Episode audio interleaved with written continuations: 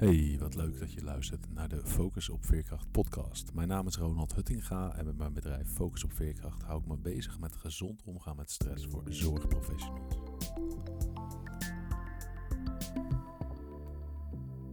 In deze aflevering gaan we stilstaan bij het thema burn-out. Uh, we gaan proberen burn-out te begrijpen en uh, hopelijk ook met deze informatie uh, zo goed mogelijk en zoveel mogelijk te voorkomen dat je in burn-out terechtkomt.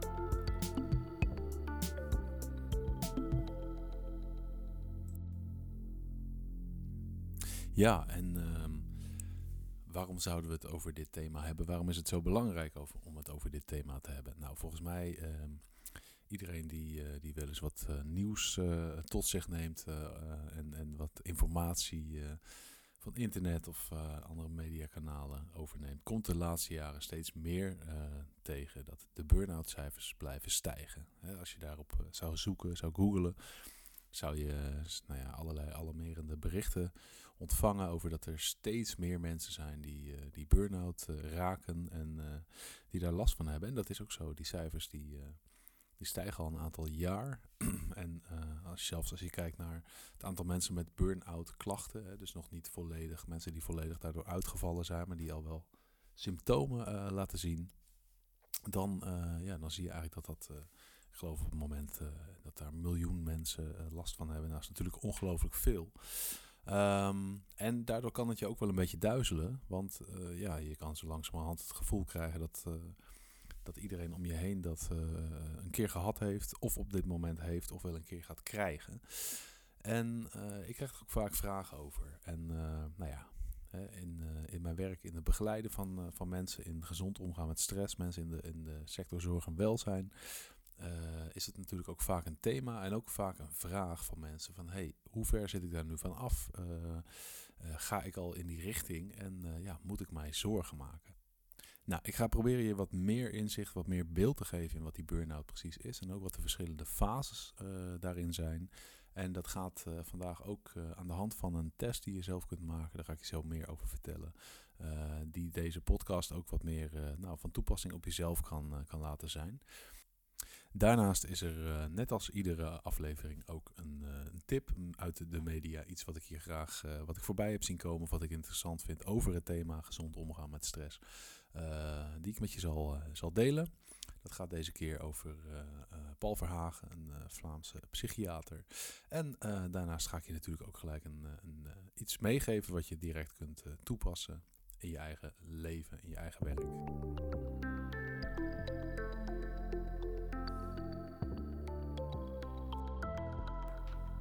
Maar goed, nu dus eerst dat, uh, dat thema burn-out. Burn-out begrijpen en uh, voorkomen. Zo, uh, zo luidt de titel van aflevering 17. Deze aflevering van de Focus op Veerkracht podcast. Nou, zoals ik aangaf, hè, als je misschien nou ja, wat vaker hebt geluisterd, weet je inmiddels dat ik dat mijn werk met focus op veerkracht bestaat uit het begeleiden van mensen in gezond omgaan met stress. En dat doe ik met name door middel van trainings- en coachingsprogramma's voor mensen in, in zorg en welzijn. Dus ik zie heel regelmatig mensen die in de zorg werken. en die ook die vraag hebben van, hey, ik, ik, hoe weet ik nou of ik ja, of het met mij misschien niet helemaal de goede kant op gaat. Want ik heb natuurlijk wel, net als iedereen, wel eens last van stressklachten. Maar ja, wanneer is dat nog gezond? Wanneer is het nog normaal? En wanneer gaat het eigenlijk de verkeerde kant op? Nou, daar is, daar is best wat over te zeggen. En ehm, ja, daar zou, ik, daar zou ik je vandaag in willen meenemen om je daar wat meer beeld van te geven. Nou, en dat gaan we doen aan de hand van een, uh, van een stresstest. Ik weet niet op wat voor manier jij deze podcast nu luistert. Als je achter het stuur zit, dan lijkt het me niet goed om die stresstest nu te doen. Dus dan zou ik zeggen, blijf gewoon luisteren. Maar als je wel de gelegenheid hebt uh, om even een zelftest te doen, die duurt, uh, nou, denk twee minuten. dan is het goed om even te gaan naar focusopveerkracht.nl slash stress met de bol S streepje test. Uh, dat is de pagina waar je op dus de stresstest vindt.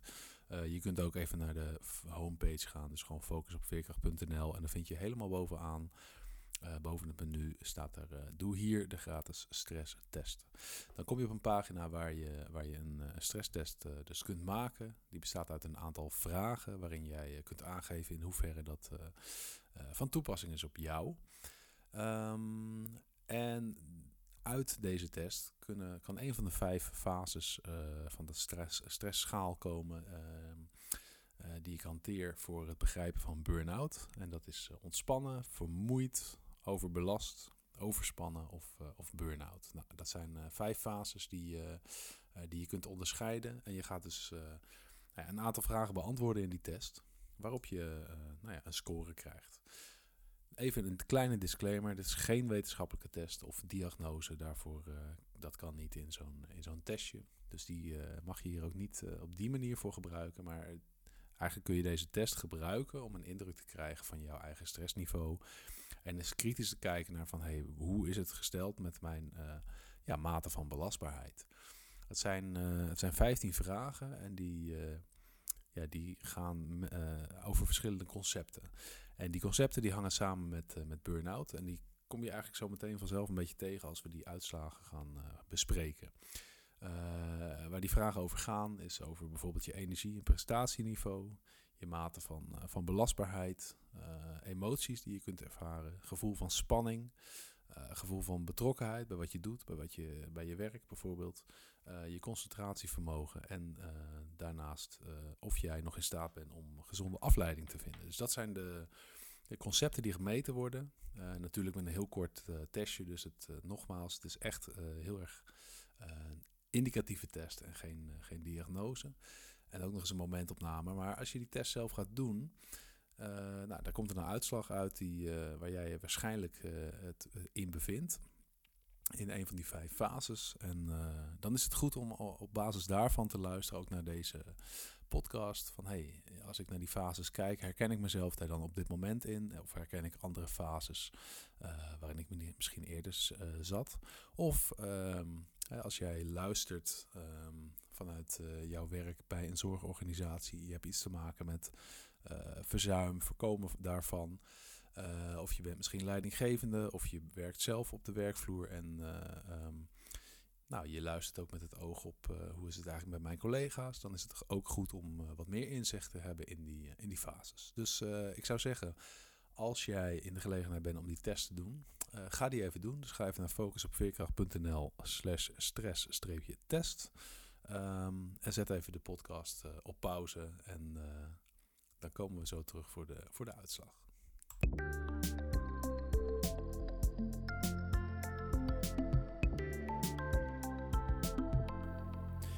Zo, dus als jij die test uh, misschien hebt gedaan, nou wellicht uh, luister je gewoon. Um, we gaan zo meteen die fases die ik net noemde, die vijf fases, die, die leiden tot, of leiden tot, die, die schaal eigenlijk, die bestaat uit vijf fases. Um, van, van ontspanning tot en met, tot en met burn-out. die gaan we langslopen, daar ga ik wat dingen uithalen. En het is vooral goed om te kijken voor jezelf van, hey, wat herken ik hiervan? En ik zal ook bij elk onderdeel wat wat aandachtspunten noemen en wat uh, tips meegeven om uh, nou, wat te kijken wat belangrijk is uh, voor dat moment. Maar allereerste vraag, ja, wat is burn-out? Um, ja, burn-out staat voor opgebrand zijn, hè, als je dat zou vertalen. Op, opgebrand, zo simpel is het. En um, dat is ook wat het is. Het bestaat uit, en dat gaan we zo meteen meer over tegenkomen, er zijn een aantal kenmerken die ja, die belangrijk zijn om te bepalen of iemand burn-out geraakt is. Het is een staat van mentale en fysieke uitputting. Je hebt een heel laag prestatievermogen, dus je kunt weinig, ja, weinig leveren eigenlijk op dat moment. Maar ook je herstelvermogen is erg aangetast. Dus het duurt ook heel lang om te herstellen van, van een activiteit die je eventueel zou doen. En kenmerk is dat je je veel minder betrokken voelt. Dat is ook de reden dat er bijvoorbeeld gevraagd wordt in, in testen die over burn-out gaan. of mensen cynisch zijn, of ze, hun werk nog heel serieus nemen, of eigenlijk het gevoel hebben dat het allemaal nergens meer op slaat, of helemaal niks meer uitmaakt wat ze doen. Dus dat gevoel van afstand eigenlijk, minder betrokkenheid naar wat je doet, is ook een hele belangrijke factor. Dus mentale, fysieke uitputting, een laag prestatie- en herstelvermogen en minder betrokkenheid. Nou, die zal je zo meteen uh, ook zeker, hoor je daar een aantal voorbeelden van. Um, en ja, waardoor wordt het door veroorzaakt, even overkoepelend, een langdurige mate van stress zonder voldoende herstel. Dus dat is eigenlijk de meest eenvoudige uitleg. Dus je hebt langdurig heb je, heb je last van stress. Ehm, nou, zoals iedereen wel weet, is een beetje stress helemaal niet, niet zo erg. Maar als dat lang duurt en er is te weinig mogelijkheid of ruimte om, om te herstellen, of te weinig herstellende activiteiten, dan kun je last krijgen van chronische stress. Dat betekent dat jouw stresssysteem eigenlijk continu geactiveerd is. Dat er ehm, hele grote hoeveelheden cortisol aanwezig zijn in je systeem. En dat het steeds moeilijker wordt, ook door die chronische stress, om goed te herstellen. Dus je kunt eigenlijk niet zo goed meer op het nulpunt komen op de, ehm, ja, op de fase van ontspanning. En als dat te lang uh, aanhoudt, dan, uh, nou ja, dan kun je dus in, in uiteindelijk een, ehm, ja, een eh, fase van, van burn-out, van opgebrand zijn, terechtkomen.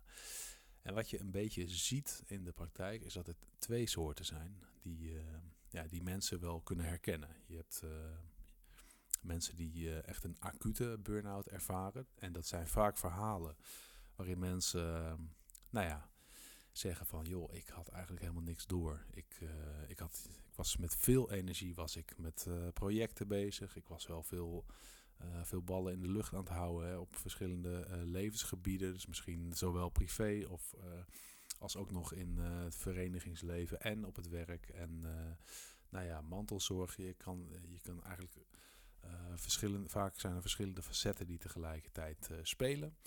Ehm, maar ik, ja, ik had eigenlijk niet zo door dat er wat aan de hand was. Ik, voel, ik voelde me eigenlijk op dat moment niet heel slecht. En ineens, van de een op de andere dag, nou, kon ik bijvoorbeeld mijn bed niet meer uitkomen. Nou, dat zijn voorbeelden van echt een acute uh, burn-out, waarin ook nog echt een, uh, vaak een ja, soort van fase van ontkenning is aan het beginnen. Dat mensen zeggen, nou ik ga even naar huis en uh, ik blijf een weekje thuis en daarna zal het wel weer gaan. En dan kan het heel moeilijk zijn om, om eigenlijk te voelen op het moment dat, je dat, dat iemand de rust gaat nemen, dat ze zich ten eerste, of allereerst eigenlijk ook nog wat slechter gaan voelen in de eerste periode. En dat kan ook best beangstigend zijn, want, want je voelt niet zo goed waar dit gaat eindigen. Dus dat, ja, dat is best een, uh, een heftige ervaring. Uh, als mensen, ja, wat je van mensen hoort die echt zo'n acute burn-out hebben, dat niet zo voelde aankomen. En in één keer zegt het lichaam van nee, nu is het klaar. En ja, daar, daar gaat vaak ook een, langdurig herstel um, is daarvoor nodig om daar weer goed uit te komen. Um, ja, en je hebt ook een, een geleidelijk, meer geleidelijke variant. En dat is, uh, daar is eigenlijk sprake van als mensen wel voelen van hé, hey, ik heb eigenlijk best wel wat meer klachten die al langdurig aanwezig zijn. Uh, ik herken wel dat ik wat chronische stressklachten heb, maar ik heb ook, ik heb ook wel het uitzicht op dat dit en dit project een keer eindigt. Of dat ik meer ruimte op, of tijd krijgen. Als er toch een bepaald perspectief is, dan kunnen mensen soms ook wel eens een beetje de valse hoop hebben. Of soms natuurlijk ook de echte hoop. Um, dat het wel gaat afnemen. En dan kan het tot het punt komen dat je eigenlijk zo gewend bent geraakt aan een bepaald gevoel van druk, van spanning. Um, ja, dat je eigenlijk heel langzaam uh, door een soort van stapeleffect uh, van, uh, van die stressoren en van het opkruipen van die, van die, die stressreactie, die toch langzaam steeds wat heftiger wordt, dat je uiteindelijk in, in een burn-out terechtkomt. Dus dat is de ene versie is echt de acute en de andere is de meer geleidelijke. In feite gebeurt er volgens mij wel een beetje hetzelfde. Maar heeft het te maken met de mate van ja, waarin iemand zich bewust is van dat soort, dat soort signalen. En het, het maakt het ook ingewikkeld om het te herkennen, omdat stress natuurlijk aan de ene kant uh, hele slopende effecten heeft, maar aan de andere kant kan stress natuurlijk ook heel erg activerend zijn en veel, uh, vooral die adrenaline die bij stress komt kijken, die kan heel, um, ja, heel veel energie geven, waardoor het, uh, ja, zo'n acute burn-out ook soms wel, uh, wel goed te verklaren is. Het verschilt ook een beetje per persoon of mensen ja, zich heel geactiveerd voelen door stress. En dat ook eigenlijk als prettig ervaren. Of dat, is, dat ze het soms ook sneller als negatief ervaren. Uh, maar dat kan ook wel verklaren dat het zo heel acuut uh, ervaren kan worden. Dan komt het echt tot een punt dat, dat het te veel energie kost en dat het herstelsysteem eigenlijk zijn werk niet meer kan doen. En dan ja, is er dus heel veel meer tijd nodig, heel, een heel langdurig herstel om ja, eigenlijk terug te schakelen naar een, eh, naar een nulpunt waarin het herstelsysteem, het stresssysteem ook heel langzaam weer, weer kunnen afstemmen. Ja, en als dat dan zo is, als die burn-out fase bereikt is, ehm, ja, dan heeft dat dus een aantal kenmerken. Dan heeft dat effect op een aantal verschillende gebieden. En die wil ik nog even, ik heb ze net al genoemd, ik wil daar nog even kort bij stilstaan. Um, en allereerst is dat uh, de mate van energie, het prestatievermogen. Hè. Dus op het moment dat iemand burn-out raakt, dan zal die uh, dus zijn, uh, nou, voelen dat, dat zijn, zijn mate van, van energie, de, de, hoeveelheid prestatie die iemand kan leveren, dat die veel lager is. Dus als jij nou, in een bepaalde fase van stress zit en dat duurt te lang, dan kom je in een soort van uitputtingsfase terecht. En dan zal je prestatievermogen ook afnemen.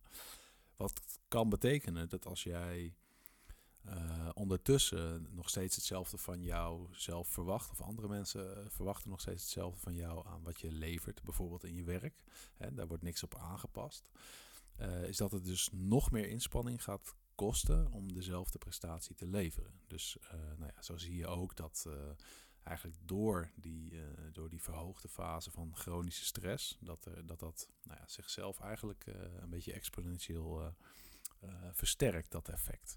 Dus je prestatievermogen is veel lager. Nou, mensen die burn-out raken, die ervaren dat aan de lijve, die voelen dat. maar ook je, je belastbaarheid, en je, of, oftewel ook je, je herstelvermogen, dat neemt enorm af. Dus als jij uh, in een nou, gezonde fase van stress, uh, van ontspanning of een beetje vermoeidheid, dan heb je misschien wel eens een, een, lange werkdag waar je echt even van moet bijkomen. Of je maakt eens een keer wat mee.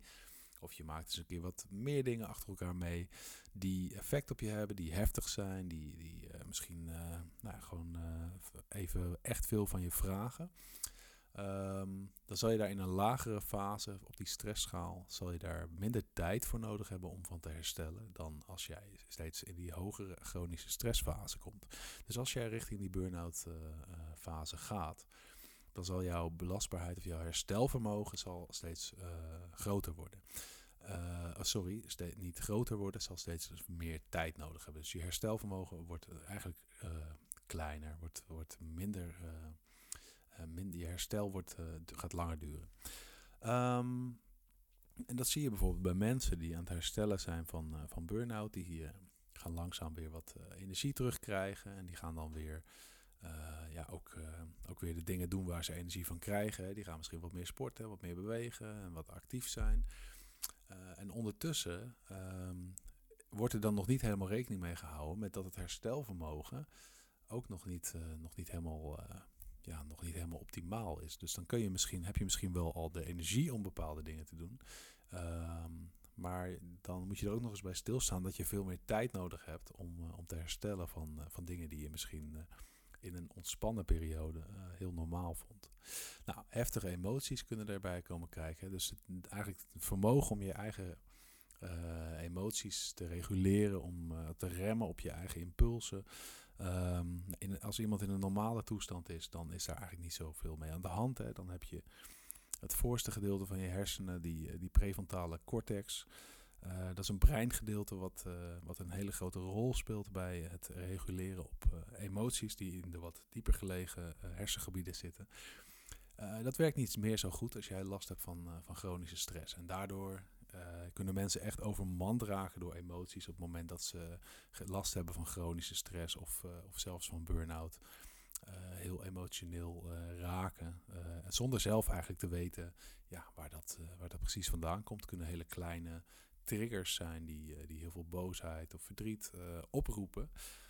omdat je regulatievermogen niet, zo, ja, niet zo goed meer werkt op, op het moment dat je langdurig in die, in die chronische stress zit. Uh, dat is een beetje dubbel op wat ik zeg. Uh, langdurig en chronisch.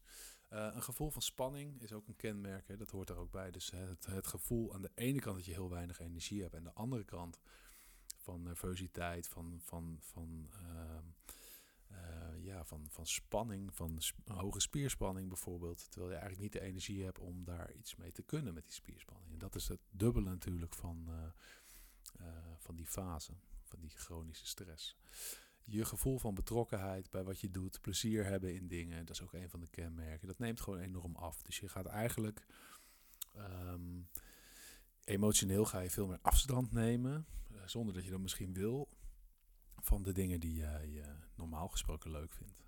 Een heel belangrijk kenmerk van wat je ook ziet en, en hoort van mensen die en misschien zelf ook herkent in fases dat je wat, wat langduriger last hebt van stress, is dat je concentratievermogen nogal afneemt. En mensen die, uh, nou ja, die in burn-out uh, raken, die, nou, die kunnen daarover meepraten dat het een, enorm veel um, ja, extra energie kan, kan kosten om je te concentreren. Of dat het zelfs niet eens lukt om nou, bijvoorbeeld een bladzijde uit een uit een boek te lezen of een, een artikeltje uit een tijdschrift of een krant kost al enorm veel moeite. Om je, omdat je, als je je brein in zo'n langdurige uh, fase van, uh, van stress is geweest, dan doet dat enorm af aan je, je concentratievermogen. Dat is ook echt iets wat, wat moet herstellen. Nou, en daarnaast heb je nog de, ja, de gezonde afleiding eigenlijk. Dat is een beetje de tegenhanger van stress natuurlijk. Als jij in staat bent om ja, op een gezonde manier afleiding te vinden van, van de dingen die jou normaal gesproken mentaal stress geven. Dus ehm, ja, als jij een leuke hobby hebt, sociale activiteiten of andere, andere dingen die jou zinnen kunnen verzetten en die jou wat, wat ontspanning en afleiding geven, dan werkt dat heel goed voor je herstel van, van stressvolle dagen of periodes.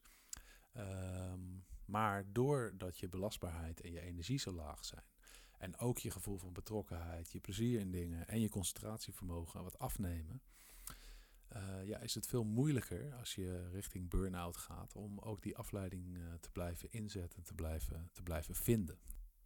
Maar laten we even naar die, uh, die fases van overbelasting gaan. Als jij de test hebt gedaan, is er, is er één van de vijf fases uitgekomen. Als je die stresstest, online test niet hebt gedaan, dan geeft het helemaal niks. Die kun je misschien nog na deze podcast een keertje doen. Um, maar ja, goed, als je dat wel hebt gedaan, zul je dus een uitslag hebben uit een van die vijf fases. En zo niet, dan zou ik zeggen, luister gewoon naar, naar die vijf fases. Um, de fases van overbelasting, waarbij de eerste is ontspanning en de laatste, nummer vijf, is de fase van burn-out. En ik ga ze even langslopen.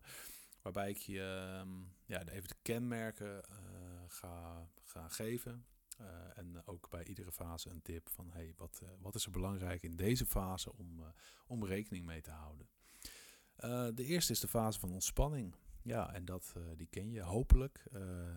hoewel als ik trainingen geef en ik doe wat oefeningen met mensen om, om wat meer in kaart te brengen hoe hun opbouw van stress eruit ziet, dan krijg ik nog wel eens de opmerking van mensen van hé, hey, ik sta er nu eigenlijk bij stil dat ik niet zo goed weet hoe mijn fase van ontspanning er eigenlijk uitziet. En dat is nou, voor veel mensen ook dan gelijk een belangrijke opdracht of oefening om mee te nemen en om te gaan uitzoeken van hey, hoe werkt het bij mij als ik, waar, waar, waar merk ik eigenlijk aan dat ik me ontspannen voel? Nou, over het algemeen zou je kunnen zeggen dat mensen die, uh, die in die fase zitten, dat die een gevoel van overzicht hebben in, over, over hun leven en over hun activiteiten. Um, dat ze ja, de boel op een rij hebben. Um, dat ze zich geconcentreerd uh, kunnen concentreren. Hè. Dus dat het niet zo'n probleem is om je te concentreren op bepaalde taken. En dat je ook aardig kunt schakelen tussen het ene gedeelte van het leven en het andere ontspanningsfase ja, is ook de fase van, waarin het makkelijk is om, om je te ontwikkelen, persoonlijke, persoonlijke ontwikkeling of om dingen te leren, om, um, ja, om, je, om je wat verder te ontwikkelen. En dat, dat als je in een wat rustiger vaarwater bent, dan kun je dat ook vaak kun je dat goed doen. Um, het is ook vaak een fase waarin je, um, maar dat moet je even voor jezelf constateren Um, waarin je vaak wel veel sociale steun ervaart. Dus als je, als je veel sociale steun hebt en je hebt voldoende mensen om je heen waar je op uh, terug, terug kunt vallen, dan is dat vaak een, nou ja, een heel gezond, gezonde manier om ook in die fase van ontspanning te blijven. En je hebt voldoende herstelmogelijkheden. Dat kan samenhangen met, met de sociale activiteiten. Als je, wat je natuurlijk samen met anderen onderneemt uh, jou ook nog eens afleiding en, en herstel geeft van, van de stressvolle dingen die je misschien meemaakt. is dat een hele mooie combinatie. Maar dat is eigenlijk een kenmerk van die fase van ontspanning. Dat je gewoon voldoende herstel hebt. Je zult best wel eens stressvolle momenten of periodes meemaken. maar een kenmerk is dat je, ja, dat je nog wel voldoende in staat bent om, om goed te herstellen. Dus ja, dat. Ehm, ja, waar kun je nou rekening mee houden? Wat, wat, wat is er nou belangrijk als je constateert dat je in deze fase bent? Nou, je zou zeggen, je hoeft eigenlijk niet zo heel veel te doen. Nee, dat klopt. Uh, volgens mij is het goed eh, om hier uh, te, te zitten en te blijven. dan kan het wel goed zijn. Misschien heb je ook fases meegemaakt waarin dat periodes meegemaakt waarin je duidelijk in een andere fase van overbelasting zat dan is het goed om eens even stil te staan bij het feit. Wat zorgt er nou voor dat jij hier op bent op dit moment? Dus ehm, welke aspecten zorgen er nou voor dat jij, uh, dat jij in die ontspannen fase zit? En daarbij kun je denken bijvoorbeeld aan die sociale steun of aan het ervaren van betekenis in, uh, in het werk wat je doet of andere activiteiten die je doet. Uh, heb jij bijvoorbeeld ontspannende, veel, veel ontspannende activiteiten, of in ieder geval activiteiten die voor jou goed als herstelmogelijkheden werken. Heb je een goede fysieke en mentale gesteldheid op dit moment? Dus wat zorgt er voor jou voor op dit moment uh, dat jij kunt zeggen van hé, hey, het klopt wel uh, dat ik in die ontspannen fase zit. Um, want dat is informatie die je mogelijk in een later moment weer eens een keer kunt gebruiken. om te kijken hoe je ook weer daar terug kunt komen. Nou, de volgende fase, dat is de fase van vermoeidheid slash lichte spanning. Um, ja, het is nog niet, als je, als je daarin zit, is dat nog niet echt een fase waarvan je denkt, goh, ik moet me daar heel erg zorgen over maken. Het is best normaal om na een dag hard werken of een, een drukke week of een wat intensievere periode, om uh, daar wat vermoeid van te zijn, ook wat meer tijd nodig hebben om te herstellen en ook misschien af en toe te ervaren dat het iets met je stemming doet. Of dat je daar wat, wat gevoelens van spanning kunt hebben.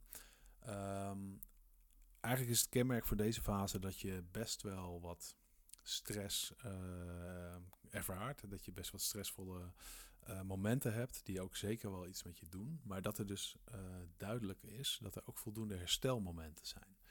Er is zeg maar, aan de ene kant is er de zware, zware belasting of momenten daarvan. Maar het lukt je goed om hier bijvoorbeeld uh, nou ja, om hiervan te herstellen. Door bijvoorbeeld een goede nacht slapen of in het weekend bij te komen of andere ontspannende dingen te doen, zoals hobby's, sporten, sociale activiteiten. Wat goed kan zijn, is om de duur van je herstel in de gaten te houden. Dus ja, hoe lang duurt het? Um, voordat ik, uh, voordat ik weer, uh, voordat ik weer me hersteld voel. Um, en in deze fase is het, is het kenmerk dat je bijvoorbeeld, hè, als jij een zware dag hebt gehad, of een zware paar dagen, en, je, en het weekend breekt bijvoorbeeld aan, dat, je echt, dat het echt nog wel kan zijn dat je je eerste dag nog wat vermoeid voelt, maar dat je eigenlijk in die weekenddag uh, als je wat leuke dingen gaat doen of, of het even rustig aan doet of lekker naar buiten gaat, dat soort dingen. Dat je dan voelt van hé, hey, ik, herstel, ik herstel goed. Nou, er is ook qua belasting, hè, als je kijkt naar wat, voor, wat kun je nog aan in deze fase, dan is er ook nog wel wat ruimte. Dan zou je zeker nog wel wat extra werk kunnen doen of je kan ook zeker wel in privé omstandigheden zeker nog wel wat, wat aan. Um, uh, als er eens wat onverwachts op je pad komt. Maar het is wel goed om al rekening mee te houden van hey, hoe kan ik ook daarvan weer, weer goed herstellen. Dus nog even op kenmerken van deze fase. gewoon een gevoel van vermoeidheid. Je hebt echt wat tijd nodig om bij te komen. maar als je die hebt, dan heb je ook voldoende energie om inspannende en sociale activiteiten te doen die jou goed afleiden. Slapen helpt je op dit moment. Dus het, het helpt goed om, om te herstellen door slaap. Je kan je fysiek wat vermoeid soms voelen en ook wel, ook wel mentaal een beetje, maar je hebt voldoende concentratievermogen om ja, de normale dingen te doen in je leven. Nou, waar moet je rekening mee houden? Zorg ervoor dat je je stressbronnen niet al te veel verhoogt. Hou een beetje rekening met je, met je hersteltijd. Dus dat die, die hersteltijd nou, hou een beetje bij of dat niet steeds uh, langer wordt. Daarnaast blijf gewoon sociaal actief. Dat is, dat is, een, een, dat is gewoon heel goed. Um, ja, en zorg een beetje voor een afwisseling tussen, tussen het passieve herstel, een beetje niksen, een beetje pauzeren en, en ook zeker het inzetten van het actieve herstel. We gaan naar die volgende fase, de fase van overbelasting.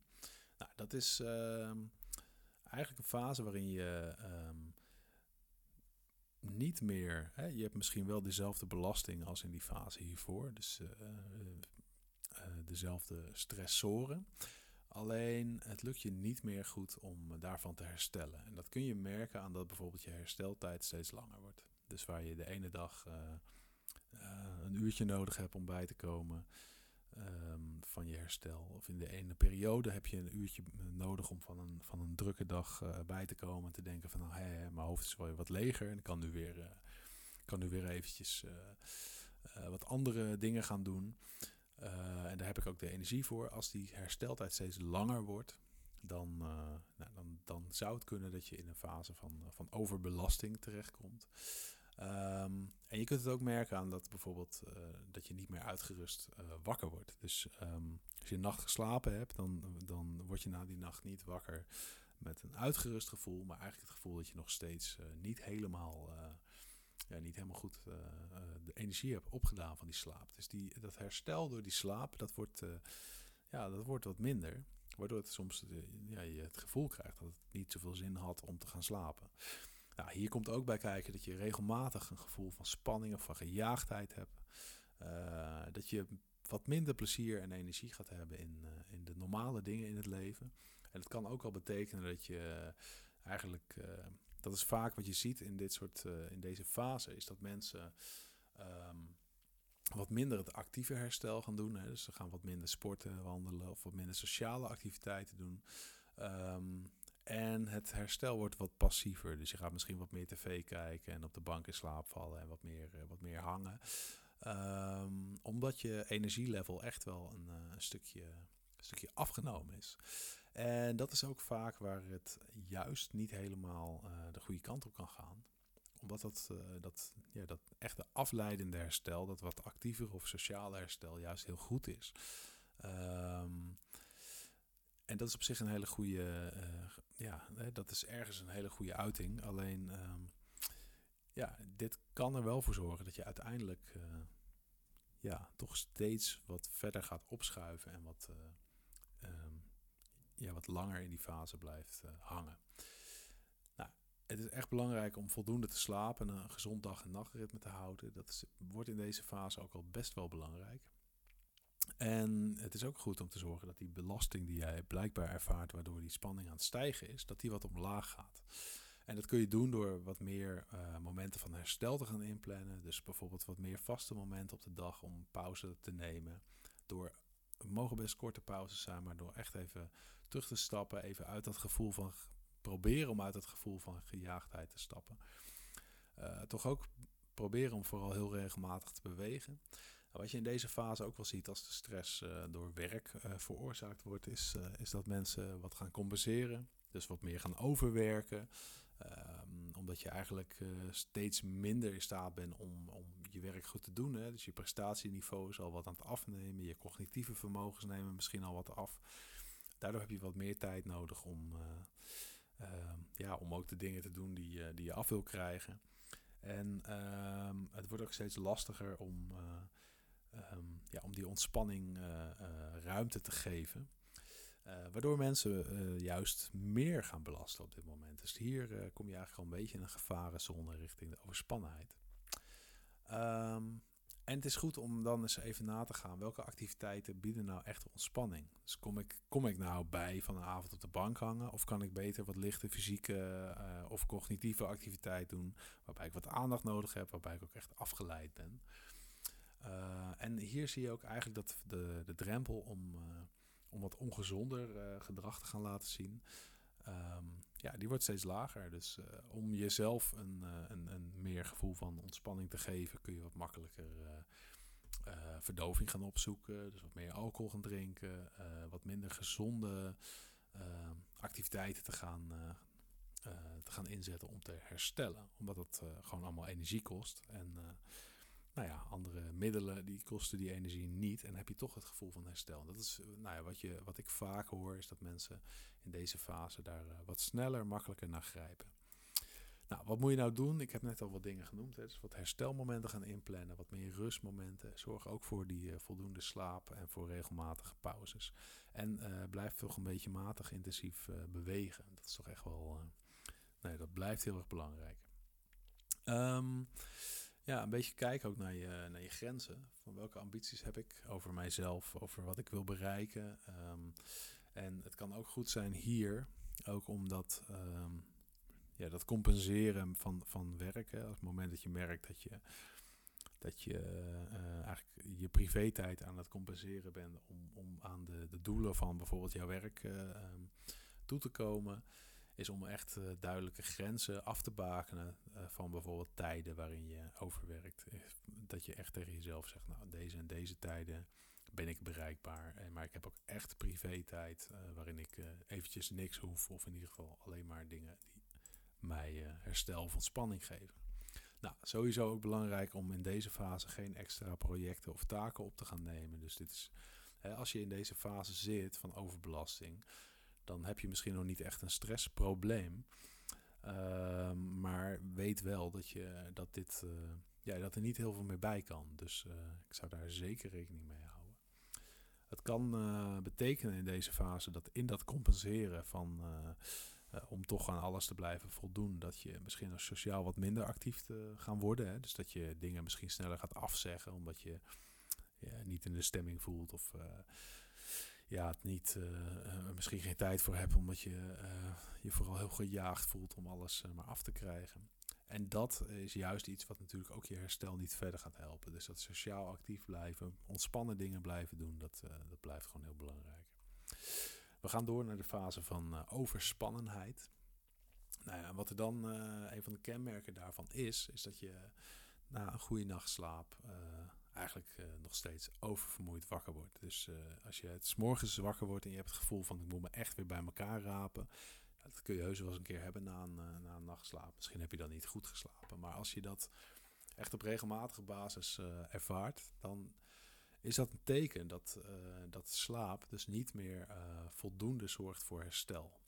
En dat, ja, dat betekent dat er dus eigenlijk in andere fases van, ja, door de dagen heen een veel te hoge mate van, van overprikkeling, van overvraging ja, aan de gang is. Dus um, er is een ja, stresstoestand in je brein ontstaan, waarin het ja, steeds moeilijker is om, om te herstellen. En dat merk je dus ook aan dat slaap ook echt niet voldoende herstel meer, meer levert. Nou, wat je in fase van overspannenheid um, merkt, is dat je, um, ja, dat je eigenlijk al je energie bij elkaar moet, moet rapen om, om te voldoen aan de dingen die jij moet doen. Um, en dat kost je gewoon enorm veel energie en enorm veel moeite. En ik had het aan het begin al over die belastbaarheid, die, uh, um, ja, die omlaag gaat. Hè, dat, die mate van energie die omlaag gaat. Nou, dat ga je hier echt enorm merken. En je hebt dus meer energie nodig om dezelfde dingen te blijven doen.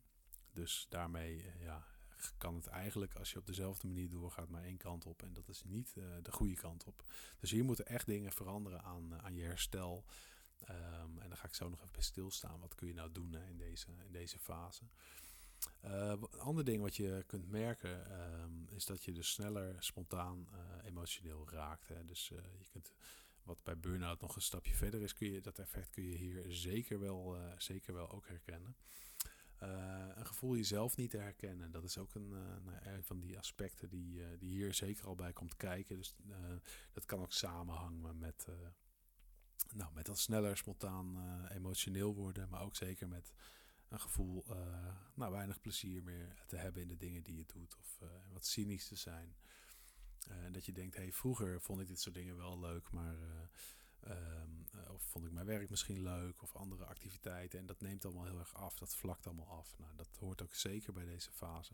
Want je hebt hier ja, toch last van ja, een chronisch stressprobleem. Een zware mentale vermoeidheid komt hier ook zeker bij kijken. Dus eigenlijk bij veel dingen het gevoel van hey, ik kan het eigenlijk net niet meer aan. Of misschien al helemaal niet meer aan. Um, Dus niet alleen die lichamelijke effecten, maar ook zeker die, dat mentale effect van vermoeidheid. Nou, wat ik veel hoor van mensen die die een langdurig last hebben van stress. En dat past ook zeker bij die fase van overspannenheid. Is dat ze echt fysieke klachten krijgen. Uh, nou, rug, nek, klachten, hoofdpijn, andere klachten, spieren. Ehm, ik denk dat er een hoop mensen zijn die bij de fysiotherapeut uh, lopen met uh, klachten die, hier, die hiermee samenhangen en ook met deze fase samenhangen. Nou, wat kun je doen in deze fase? Zoals ik aangaf, um, herstel is het allerbelangrijkste. Um, en dat kun je aan de ene kant kun je eigenlijk de boel meer in balans brengen door um, de, de stresserende uh, activiteiten omlaag te brengen. Hè. Dus uh, een van de dingen die je kunt doen, en die misschien ook heel goed zijn, is tijdelijk uh, wat minder gaan werken of stoppen met werken. Wat taken over laten nemen door andere mensen of stilleggen. Om te voorkomen dat deze lijn doorzet en het in de burn-out terechtkomt. Wat heel belangrijk in deze fase is, is opnieuw leren luisteren naar die signalen van het lichaam. Dat is vaak wat mensen een tijd niet hebben gedaan. Uh, doordat je misschien ook veel meer vanuit je hoofd bent uh, uh, gaan redeneren om alles maar gedaan te krijgen. Hè. Dan, dan, val je natuurlijk vaak terug op eigenschappen die jou misschien in andere fases wel heel erg helpen. Namelijk dat je een doorzetter bent. Dat kan in deze fase ehm, juist ervoor zorgen dat je ook de, de, signalen van je eigen lichaam wat minder uh, serieus neemt. En uh, misschien uh, als je in deze fase bent, heb je dat ook wel geconstateerd. dat je daar niet meer zo bij stilstaat. Van wat geeft mijn lichaam nou aan in verschillende, op verschillende momenten. Um, ja, want daar is gewoon heel veel informatie uit te halen. En dit is vaak iets wat mensen een beetje opnieuw moeten leren. Of opnieuw, ja, in ieder geval bij moeten gaan stilstaan. Wat geeft mijn lichaam nou aan. Hè? Wat, wat gebeurt er nou met mij? Uh, uh, waardoor ik uh, kan merken in een veel vroeger stadium dat iets mij spanning of stress oplevert. Of dat iets niet bij me past. Dat het bepaalde grenzen overgaat. Ja, welke signalen geeft mijn lichaam aan? En dat is, dat is vaak iets wat opnieuw ontdekt moet worden. Nou, daarnaast is het heel belangrijk dat er veel regelmaat en rust is in het, in het dagritme. En dat er een, een periode is waarin er ruimte is om dat kan een aantal weken zijn, uh, misschien soms ook langer. Maar waar in ieder geval echt gericht gaat worden op hoe kan ik op uh, zo'n goed mogelijke manier herstellen. Nou, mensen die van sporten houden, die houden ook vaak van dat gevoel van, van, um, ja, van het gevoel van um, dat je lichaam en, en je eigen toestand soort van in dezelfde op eenzelfde lijn komen. Dus als jij veel lichamelijke ervaar, uh, stress ervaart, veel lichamelijke spanning en je gaat dan hard sporten, dan kan dat soms heel, heel prettig en gezond voelen. Omdat eigenlijk dat wat jouw lichaam aan het doen is, um, hè, die spanning die opgeroepen is door die, door die stress.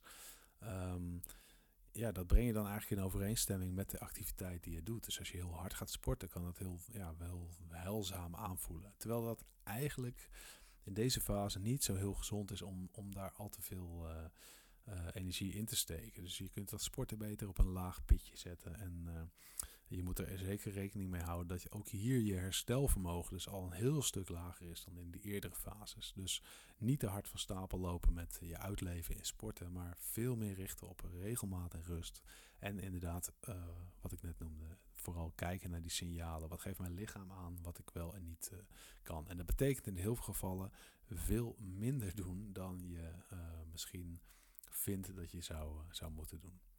Nou, dan zijn we nu bij de laatste fase, de burn-out fase. Je belastbaarheid is dan echt tot, uh, tot nul gedaald. Dus je stresssysteem is heel langdurig actief geweest. En je bent daarmee echt in een uitputtingsfase terechtgekomen. Je hebt geen energie meer. Uh, je kan heel snel emotioneel raken. En je hebt eigenlijk het gevoel dat alles te veel is. Um, ja, je hebt jouw eigen stresssysteem heeft zo lang geprobeerd om, om um, om zich te handhaven. Uh, dat, je, dat je eigenlijk een gevoel van, uh, van uitputting, nou niet alleen een gevoel, je hebt het punt van uitputting uh, bereikt. En dat kan echt betekenen dat er nauwelijks energie is om, om op een normale manier een dag door te komen waarin je niet eens zoveel bezigheden hebt. en alles wat je, wat je doet op zo'n dag vraagt ook weer om herstel. Dus je kunt iets doen, misschien als je geluk hebt kun je, kun je een taakje uitvoeren wat misschien mentaal en fysiek heel veel moeite kost. En daarna heb je ook nog eens heel veel herstel nodig. En dat is ja, gewoon ontzettende heftige aandoening eigenlijk die je op dat moment hebt. Het gaat ook nog eens samen met, met een weerslag op het lichaam. Hè. Dus kan heel veel, er kan pijn bij komen kijken, maar ook darmklachten, extreme vermoeidheid. Er kan van alles kan daar ook nog eens bij komen kijken. En ja, vaak moet je er rekening mee houden dat je er toch wel maanden van herstel voor nodig hebt. Ehm, en meestal begint uh, zo'n burn-out uh, toch wel met dat iemand naar huis gaat vanuit zijn werk, dat hij zich echt niet meer goed voelt. En denkt van nou, ik ga even een, ik ga even een tijdje thuis zitten om even bij te komen. En dan gaat het wel weer. En dan komt men er vaak pas achter ja, hoe, hoe heftig het eigenlijk is. En um, ja, moet je langzaam gaan dealen met waar je in terecht bent gekomen. Um, ja, en eigenlijk in navolging van die vorige fase, die, die overspannenheid, het verschil hier ermee is, is dat je uh, eigenlijk nauwelijks perspectief meer hebt. Dus mensen die een burn-out raken, die zien eigenlijk niet meer voor zich hoe ze eruit gaan komen. Dus je mentale voorstellingsvermogen is, is ook nog eens heel erg afgenomen. Je hebt geen perspectief, het is allemaal heel uitzichtloos en je weet ook niet of het nog slechter gaat worden. Ga ik nog meer inleveren op mijn energie? Uh, nou, dat kan ook heel veel nou, emoties met zich meebrengen, emotionele effecten hebben natuurlijk. Het gevoel dat je eigenlijk niks meer, dat je nergens toe meer in staat bent.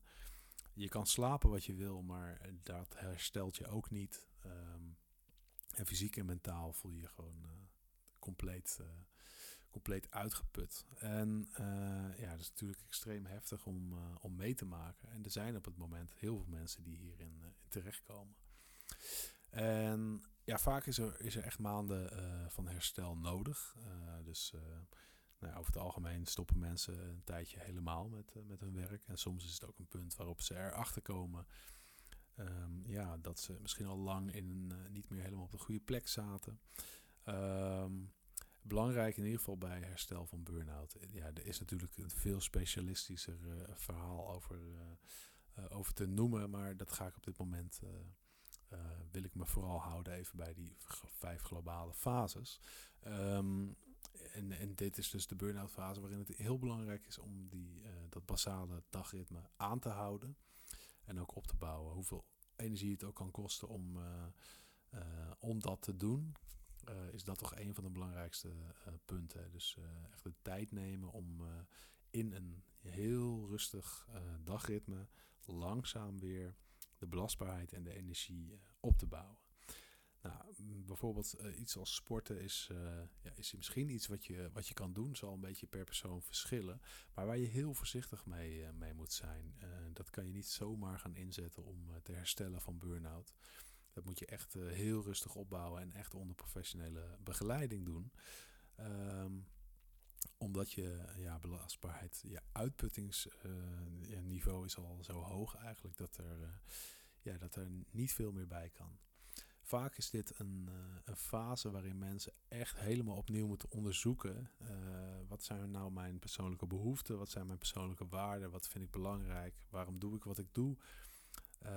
en in die zin zie je vaak dat uh, tijdens uh, een burn-out is er, is er heel weinig perspectief. Is het echt uitzichtloos. Maar achteraf hoor je heel vaak mensen zeggen van ja, ik heb eigenlijk best veel aan gehad. Omdat ik echt even uh, helemaal naar nul ging. En ehm, ja, eigenlijk opnieuw ging, ging bepalen wat belangrijk voor me was. En waarom ik hierin terecht ben gekomen.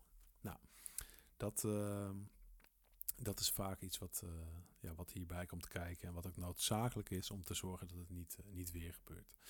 Uh, in mijn trainingen krijg ik ook regelmatig mensen die dit al een keer hebben meegemaakt en die zeggen van joh, ik, um, ja, ik, wil, dit, ik wil dit nooit meer opnieuw meemaken. Dus hoe kan ik nou zorgen dat ik dat, ja, dat, ik dat, dat onderhoud ook pleeg aan mezelf? En daar, wat daar heel erg in zit, is toch het herkennen van de eigen lichaamssignalen, die subtielere lichaamssignalen opnieuw leren herkennen van wat geeft mijn lichaam nou aan, uh, wat zijn de lichaamssignalen bij ook al een lichte mate van spanning. Um, maar ook wat, wat doet stress met mijn manier van denken en met mijn handelen? Wat voor, wat voor automatische reacties heb ik eigenlijk? Wat voor copingstrategieën? En zijn die ja, effectief ja of nee? Dat blijven hele belangrijke vragen, ook als je al een keer burn-out achter de rug hebt. En ehm, nou ja, ik denk ook dat daar die vraag vandaan komt bij nou ja, sommige van de deelnemers van de trainingen van Focus op Veerkracht. Um, ja, blijft die vraag gewoon heel belangrijk. En uh, nou ja, daar mag ik mensen bij, bij ondersteunen. En dat vind ik nou, heel, heel erg tof om te doen. en ook in één op één settingen, in coachings setting, um, nou ja, kan het ook zeker heel behulpzaam zijn om te kijken van hoe kan ik hier uitkomen of hoe kan ik voorkomen dat ik in die burn-out terechtkom. Nou, voor nu heb ik die fases met, je, met je doorlopen. Ik hoop dat het nou ja, dat je wat meer beeld hebt gekregen um, van die vijf fases van, uh, van, van belasting, overbelasting. En ook of je misschien wat meer beeld hebt gekregen van hé, hey, waar zit ik nu en hoe kan ik nou zorgen dat ik niet in de volgende fase terechtkom. Dat is natuurlijk uh, de hele, het hele idee dat je, dat je zorgt dat je niet uh, richting die burn-out gaat. Want volgens mij wil, wil niemand dat. En dat je vooral gaat kijken naar welke ja, binnen mijn invloed, wat kan ik nou doen om te zorgen dat ik in deze fase van overbelasting blijf of hopelijk mijzelf een stukje richting die ontspanning kan brengen.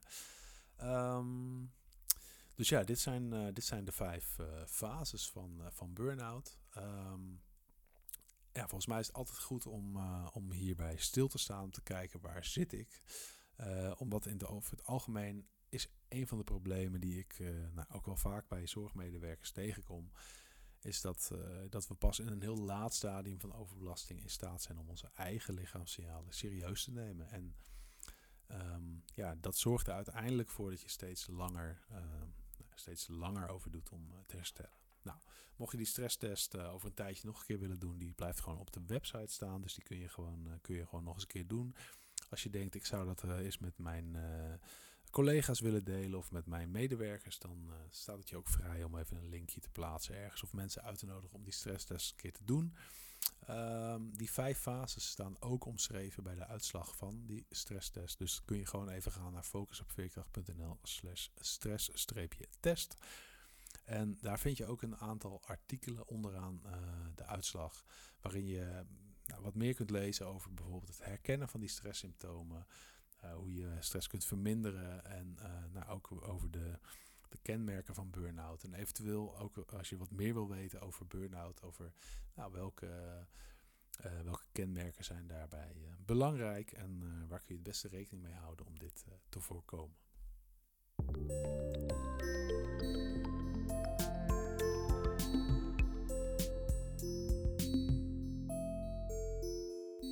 Nou, volgens mij uh, inmiddels een veel langere aflevering uh, dan anders. En ik merk eigenlijk ook nu ik hierover aan het praten ben, dat ik denk, nou, we zijn uh, nog niet eens op de helft. Um, hier zou ik nog wel een aflevering over kunnen doen. Nou, wellicht dat die, dat die er ook nog eens aan zit te komen. Een soort van deel 2. maar voor nu hoop ik nou, in ieder geval goed op weg te hebben geholpen in die, in die fases. Um, ja, wat ik met je zou willen delen als, uh, als tip, um, wat ik zelf heel interessant vind, is uh, de visie van uh, eigenlijk de wat meer bredere maatschappelijke blik op, op dat hele concept burn-out. Ehm, want wat ik me wel eens afvraag is, nou ja, hoe kan het nou dat we daar nu zoveel last van hebben? Leven we dan in zo'n stressvolle maatschappij? Nou, daar zal gedeeltelijk het antwoord op zijn ja. Aan de andere kant denk ik, uh, er zijn natuurlijk ook uh, heel veel periodes uh, geweest in de geschiedenis die misschien wel veel stressvoller waren. en daar hoorde je niemand over burn-out. Nou, is het natuurlijk ook zo dat het, het begrip nog niet zo heel lang bestaat. Ik geloof begrip burn-out van de eind jaren negentig is en uit, um, uit het onderwijs bij leraren terecht is gekomen. Um, dat het daar als eerste herkend werd. Um, maar is het nou zo dat, uh, dat onze maatschappij burn-out, uh, burn-out oproept? Hè? Zitten wij in een maatschappij waarin, waarin wij eigenlijk over onszelf afroepen dat, ja, dat, we, dat we allemaal burn-out raken? Um, en ja, wie daar heel veel over te zeggen heeft is Paul Verhagen. Dat is een Vlaamse psychiater. Nou, ik ben wel fan van Vlaamse psychiaters. Er zijn namelijk meer die hele interessante dingen te zeggen hebben eigenlijk in een wat bredere uh, ja, maatschappelijke context. Hè. Waar, waar komt het nou vandaan dat bepaalde uh, ziektebeelden of, uh, of klachten veel voorkomen in een tijdsbeeld? Nou, en Paul Verhagen heeft een, een video van waarin hij een lezing geeft van ongeveer anderhalf uur over de maatschappelijke oorzaken van burn-out. En daarin noemt hij een aantal kenmerken die ja, eigenlijk in zijn betoog hè, maakt hij een soort van analyse van het hele verschijnsel van burn-out. En hoe komt het nou dat wij daar op dit moment in onze samenleving zoveel, ja, zoveel last van hebben? En hij gaat daar nou, op allerlei, um, allerlei aspecten in die, die wat dieper gaan nog hè, over onze identiteit, individualisme. Um, en de maakbaarheid in onze samenleving. Nou, en dat is, uh, uh, een super interessant verhaal. Dus als je op YouTube even intikt Paul Verhagen of je typt in de maatschappelijke oorzaken van burn-out, kom je die video daar vanzelf tegen. En uh, dan kun je anderhalf uur genieten van een heel goed verhaal, vind ik, over een bredere maatschappelijke blik van het veel meer voorkomen van, van burn-out.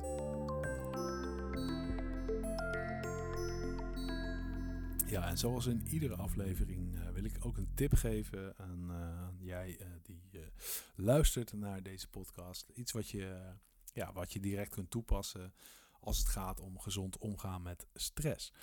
Um, en een van de dingen heb ik eigenlijk vandaag al wel genoemd, maar die zou ik nog ietsje concreter willen maken. En die gaat over hersteltijd.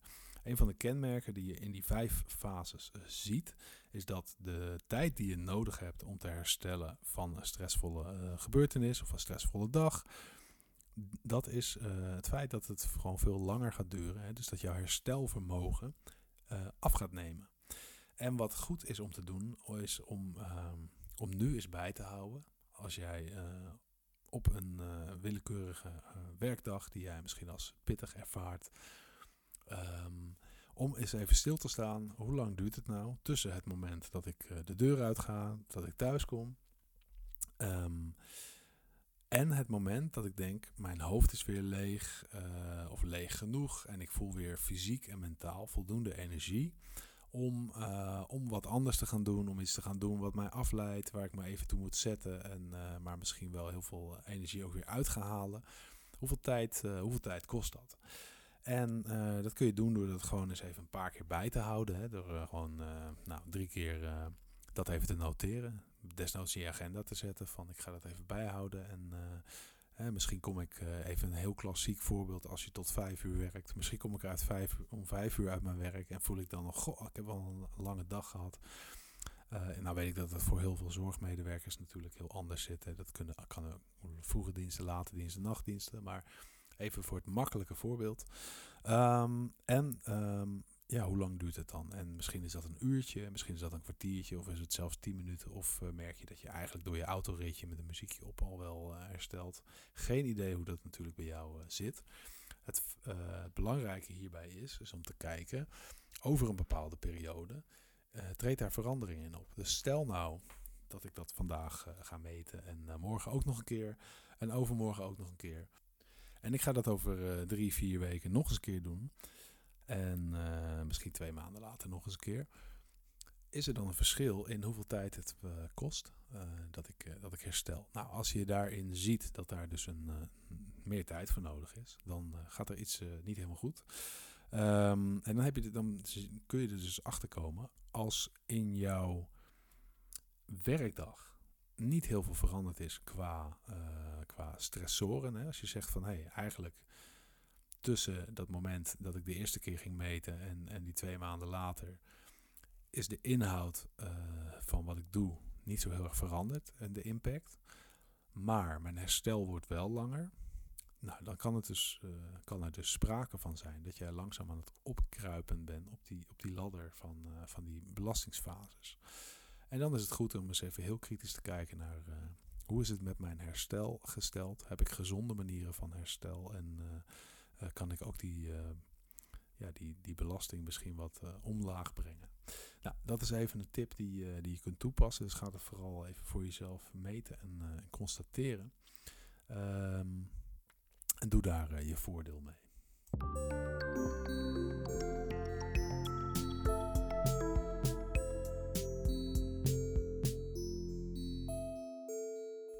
Hiermee zijn we aan het einde gekomen van uh, aflevering 17 van uh, de Focus op Veerkracht podcast. Mocht je nou denken, ik wil uh, meer weten over, over de trainingsaanbod, over de programma's die, die ik um, geef aan organisaties en medewerkers en leidinggevenden in de sector zorg en welzijn, ga dan even naar focusopveerkracht.nl.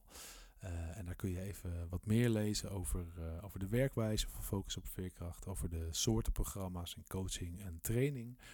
En uh, ook, zoals ik net aangaf, als je wat meer wil weten over burn-out voorkomen en ook die test wil doen, kun je ook even gaan naar focusopveerkracht.nl.